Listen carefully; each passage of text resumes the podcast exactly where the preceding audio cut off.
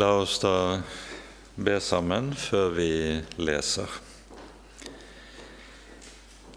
Nå takker og lover vi deg igjen, Herre vår Gud og vår klippe, at vi skal få lov til å kalles dine barn og stå under din omsorg. Takk for at du har åpnet ditt rike for oss ved din elskede Sønn. I ham har du slettet ut alle våre synder.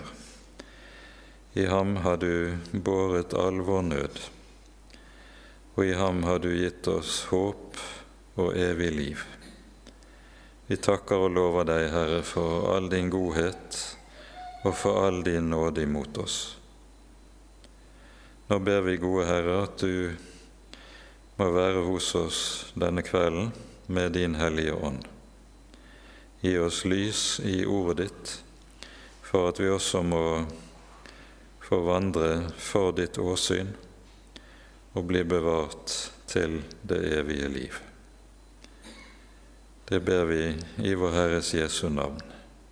Amen. Selv om vi da gikk igjennom de første versene i det 13. kapittel i Hebreabrevet sist gang, så gjør vi det likevel slik at vi leser hele kapittelet i sammenheng, nettopp for sammenhengen sin skyld. I Faderens, Sønnens og Den hellige ånds navn. La broderkjærligheten vare ved. Glem ikke gjestfrihet, for ved den har noen hatt engler til gjester uten å vite det. Husk på dem som er i fengsel, som om dere var fanger sammen med dem, likeså dem som blir mishandlet, for dere er jo selv i legeme. La ekteskapet holdes i ære av alle, og ektesengen være usmittet, for Gud skal dømme dem som driver hor og bryter ekteskapet.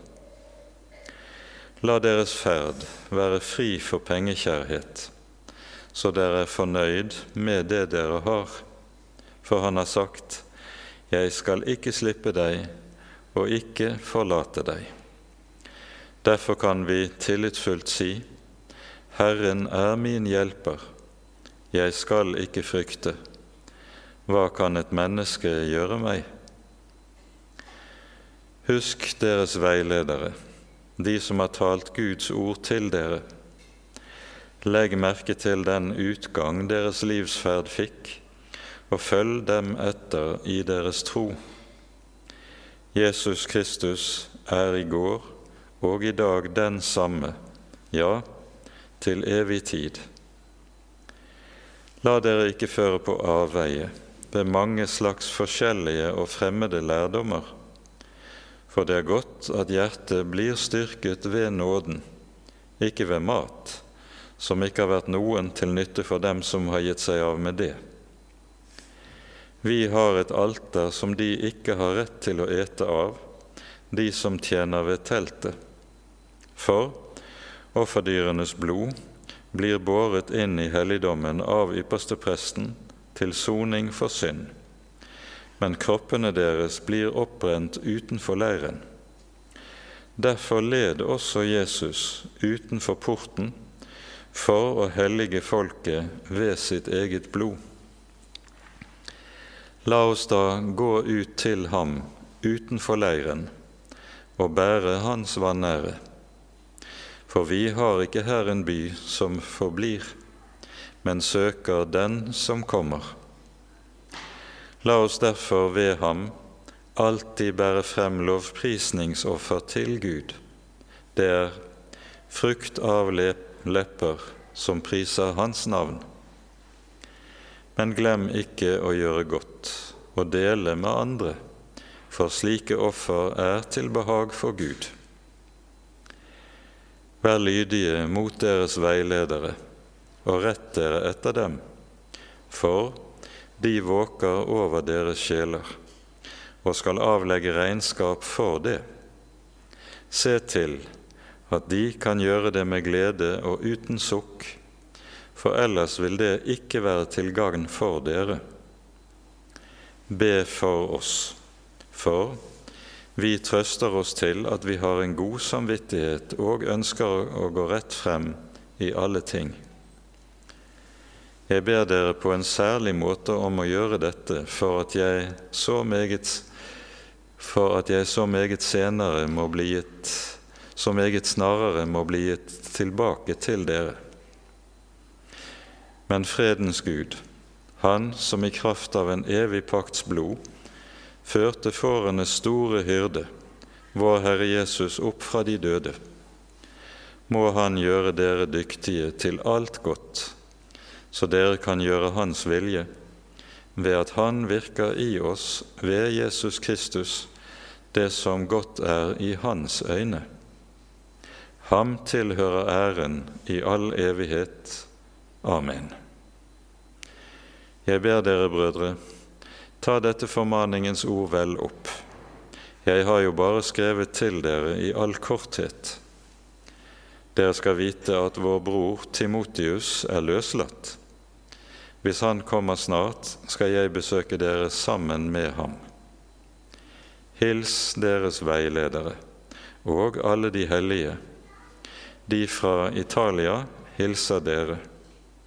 Nåden være med dere alle. Og Med det settes det altså punktum i dette meget, meget innholdsrike brevet. Sist gang rakk vi å, så vidt å gå igjennom de fire første versene i det 13. kapittel, der vi har noen helt grunnleggende innledende formaninger. Og Derfra går brevet over til i det femte og sjette verset å tale om vårt forhold til penger og til velstand. Og skal en ganske kort sammenfatte det som her sies, så må det være med Jesu ord i Matteusevangeliet sjette kapittel, der Jesus taler om nettopp i forbindelse med det som har med det materielle, med penger, å gjøre, om å ikke være bekymret for morgendagen. Det er slik at for en kristen er hans liv i Herrens hånd. Og så har Herren lovet å holde sine oppe. Han har lovet at vi skal få det vi trenger, ikke det vi har lyst til men altså å bære oss slik som med alt det vi trenger, inntil enden. Og så gjentas da løftet som vi hører i, eh, i slutten av vers 5 og i vers 6, i tilknytning til dette. Løfter som er uhyre betydningsfulle med tanke, nettopp med tanke på å hjelpe et kristent menneske fri fra bekymring. Ordene som uh, lyder slutten av vers 5, 'Jeg skal ikke slippe deg og ikke forlate deg', er ord som lød til Josva, slik vi hører det i Josvas boks innledende kapittel. Når Moses er borte og Josva overtar ansvaret for å være leder for Israels folk, da har han ganske sikkert følt seg temmelig hjelpeløs. Og i møte med de veldige oppgavene som ligger foran han, er det han får dette løftet. Jeg skal ikke slippe deg og ikke forlate deg. Og Disse løftene som her lyder, de er knyttet til at Josva får et bestemt pålegg, nemlig at han skal sørge for å ha Herrens ord for øye dag og natt. Ordene i Salme 1, salig er den som grunner på Herrens lov natt og dag, de er bokstavelig hentet fra ordene som lød til Josva ved innledningen til hans gjerning etter Mosedød. Og så gir Herren dette løftet at når Josva har Herrens ord for øye, grunner på Herrens lov natt og dag, så har Herren lovet 'Jeg skal ikke slippe deg og ikke forlate deg'. Og så kommer løftene som lyder i neste vers fra Salme 56 og Salme 118. Kommer vi så til det syvende verset, så kommer en, noe som kanskje oppfattes som en litt underlig formaning. Kom i hu, husk deres veiledere, de som har talt Guds ord til dere. Her er det altså tale om noen som har vært veiledere for menigheten, som har ført dem inn i Guds ord, som er deres åndelige fedre, og som altså har hatt den aller største betydning for de troende som brevet er rettet til. Og nå lyder det dere skal ikke glemme disse. For svært, svært mange kristne er det slik at de har hatt åndelige fedre som så å si har betydd forskjellen på liv og død for dem. Åndelige fedre som har fått lukke opp Guds ord for dem. Åndelige fedre som har kunnet vise dem evangeliet, det evangeliet som er slik at en aldri mer vil miste det. Det er slike fedre det taler om her. Glem dem ikke, de som har lært dere Guds ord. Her er det noen som skal huskes med stor takknemlighet av menigheten for nettopp for den betydning som de har hatt. Paulus har vært en slik åndelig far for mange. Han sier uh, i første Korinterbrev vel har dere mange lærere, men det er ikke mange åndelige fedre. Men den som er så heldig å ha fått slike åndelige fedre, han har fått med seg en stor, stor velsignelse. Glem dem ikke, sies det. Og så sies det, legg merke til utgangen av deres ferd, og følg dem etter i deres tro. Det sies altså ikke at vi skal følge dem etter i deres ferd, for Herren leder sine tjenere på ulike veier. Og Derfor er det også slik at det som påligger oss, er ikke at vi skal kopiere våre åndelige fedre. Det vi skal holde fast ved, er den tro som de vitnet om.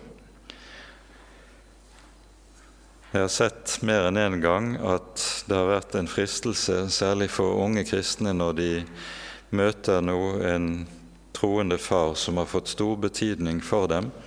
Da vil de gjerne også kopiere vedkommende. Jeg husker eh, i studietiden at der eh, var en del unge som nesten kopierte måten bestemte åndelige lærere talte på, tonefallet deres osv. Den slags er ikke tingen. Det det handler om her, etterfølg deres tro, sies det. For det handler om hvilket Guds ord de har lært oss, og det er dette Guds ord vi skal holde fast på, og holde fast på med takknemlighet. Og så begrunnes dette med det ordet som kom, kommer i neste vers. Jesus Kristus er nemlig den samme i går og i dag og til evig tid. Jesus forandrer seg ikke fra generasjon til generasjon. Troen utvikler seg og endres ikke fra generasjon til generasjon. Troen er grunnleggende ett, fra slekt til slekt. Og Derfor understrekes det med så stor styrke nettopp her i dette verset Jesus Kristus er den samme. Han er den samme for deg og meg som han var det for våre fedre.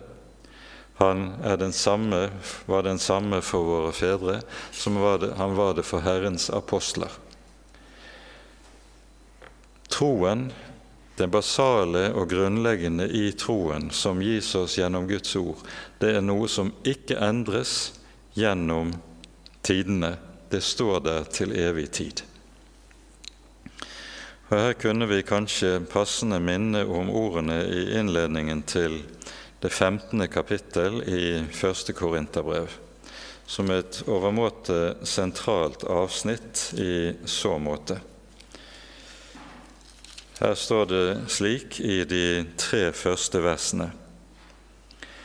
Jeg kunngjør dere, brødre, det evangelium som jeg forkynte for dere, det dere også har tatt imot, og som dere også står fast i. Ved det blir dere også frelst, dersom dere holder fast ved det ord jeg forkynte dere det, om dere da ikke forgjeves er kommet til troen. For jeg overga dere blant de første ting det jeg selv tok imot, at Kristus døde for våre synder etter Skriftene. Han ble begravet og reist opp på det tredje dag etter Skriftene, osv. Her brukes det i det tredje verset to helt sentrale begreper som også var sentrale innenfor den rabbinske jødedom som Paulus var oppdratt i, men kom til å være like sentral inn i den kristne tro. Begrepene i vers 3 er det å ta imot og å overgi. De, disse to verbene beskriver den tradisjonsmeddelelse som skal foregå gjennom generasjonene i kristenheten. En har tatt imot Guds ord. Og det Guds ord som er mottatt, det hører vi i de to første versene. Det er det evangelium som det sies, som dere blir frelst ved dersom dere holder fast ved det. Det er dette de har tatt imot. Og dette som de har tatt imot, det skal de også gi videre. De skal overgi det. Paulus sier, 'Jeg overga dere det jeg selv tok imot. Og så beskriver han ganske kort i de neste versene hva innholdet er i dette evangelium. Det er et evangelium som handler om hvorledes Skriftene blir oppfylt i Jesus Kristus, i hans gjerning. Jeg overga dere det jeg selv tok imot. Og Da er poenget her at det som vi overgir til neste generasjon, til neste ledd, det skal overgis uforandret. Det vi har mottatt, skal vi ikke endre på. Vi skal ikke justere på det, men vi skal overgi det til neste generasjon uforandret. Og Denne prosessen mellom å motta og overgi, det heter i Skriften trofasthet. Å bli tro slik at en tar vare på det en har, evangelium, det ord vi har mottatt, og så slik gi det videre, det er saken i dette. Og det er dette som knytter oss som kristne i 2000 år etter apostlenes tid, som knytter oss sammen med dem slik at vi deler den samme tro, vi har den samme tro som de hadde, bekjenner det samme navn som de bekjente. Jesus Kristus er nemlig i går og i dag den samme, ja, til evig tid. Og Denne bekjennelse kommer altså til uttrykk i dette at her er noe som ikke forandres over tid. Derfor er det også at når vi kommer til det neste verset, det niende verset, så lyder det:" La dere ikke føre på avveier ved mange forskjellige og fremmede lærdommer. Verden er full av ulike slags lærdommer og tanker som kan fortone seg både riktige og fristende for de kristne å hoppe på og ta inn. Her kreves det en åndelig våkenhet i forhold til alt dette, og denne våkenhet den er betinget av at en nettopp holder fast, slik som Paulus skrev det i kapittel 15 i første Korinterbrev. La dere ikke føre på avveier ved mange forskjellige slags fremmede lærdommer. Når folk kommer med noe nytt, da skal vi ikke lytte til det. For det som er gitt oss til frelse, det er fullt tilstrekkelig åpenbart for oss i Hellig Skrift, Den hellige Skrift vi har mottatt. Og så skal derfor det som er nytt, nye lærdommer, avvises. Så kommer det et tillegg her i det niende verset. Det er nemlig godt at hjertet styrkes ved nåden. Nåden gis oss, åpenbares for oss, i det ordet som er oss gitt. Og så står det 'men ikke ved mat', som ikke har vært til noen nytte for dem som har gitt seg av med det. Her står vi overfor noe som har voldt de ulike fortolkere av hebreabrevet en del vansker.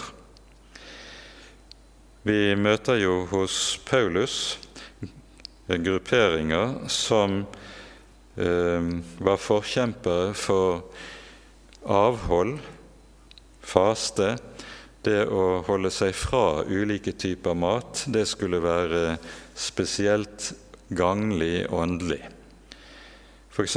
så hadde du retninger innenfor Ålkirken som anbefalte at en skulle være absolutt vegetarianer og overhodet ikke spise kjøtt.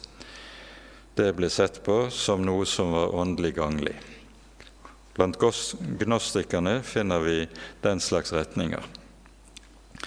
Her har vi det motsatte. Her er det noen som taler om at det er bestemt mat som er gagnlig, eller kjøtt som er gagnlig.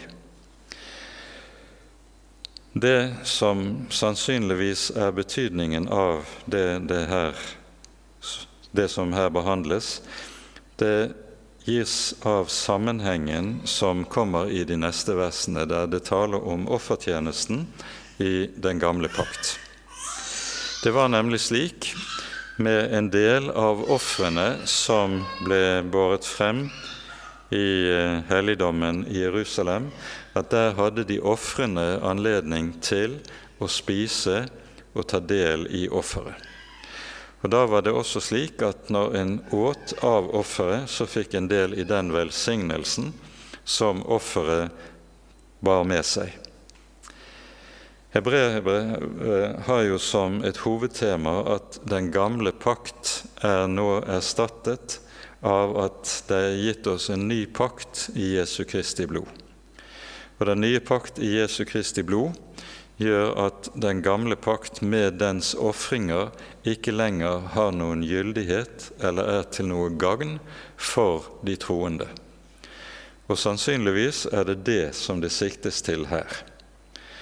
Dette gir seg også ut av det som er sammenhengen i hebreerbrevet, fordi det jo er slik, som vi har vært inne på ved en rekke anledninger, at brevet nettopp er skrevet til en gruppe jøder som fristes til å vende tilbake til sitt jødiske opphav, fordi deres bekjennelse av at Jesus er Messias, hadde kostet dem så meget at de stilte spørsmål om er det i det hele tatt verd å forbli i troen på Jesus når det har sånne omkostninger.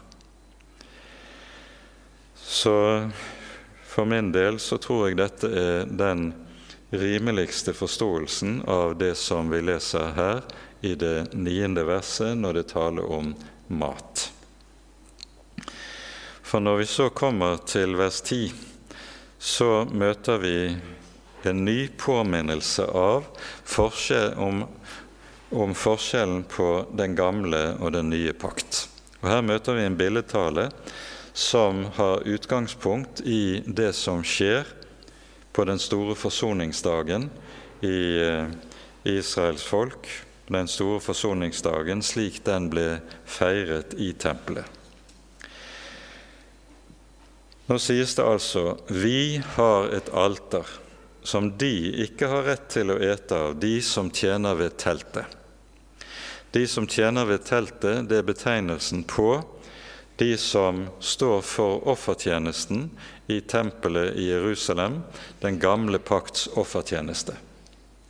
Og så sies det altså vi som troende kristne, vi har et annet slags alter. Et alter som de ikke har rett til å ete av. Og hva er det alter som er vårt alter? Det er Golgata. Golgata er det alter der Guds sønn, som vår ypperste prest, ble ofret for våre synders skyld og ved sitt blod helliget oss. Dette er det alter som er vårt alter. Og det alteret har vi rett til å ete av. Og Det er dette Jesus henspiller på i Johannesevangeliet i det sjette kapittel, når han sier at 'Han er livets brød'. Den som eter mitt kjøtt og drikker mitt blod, han har evig liv og kommer ikke til dom.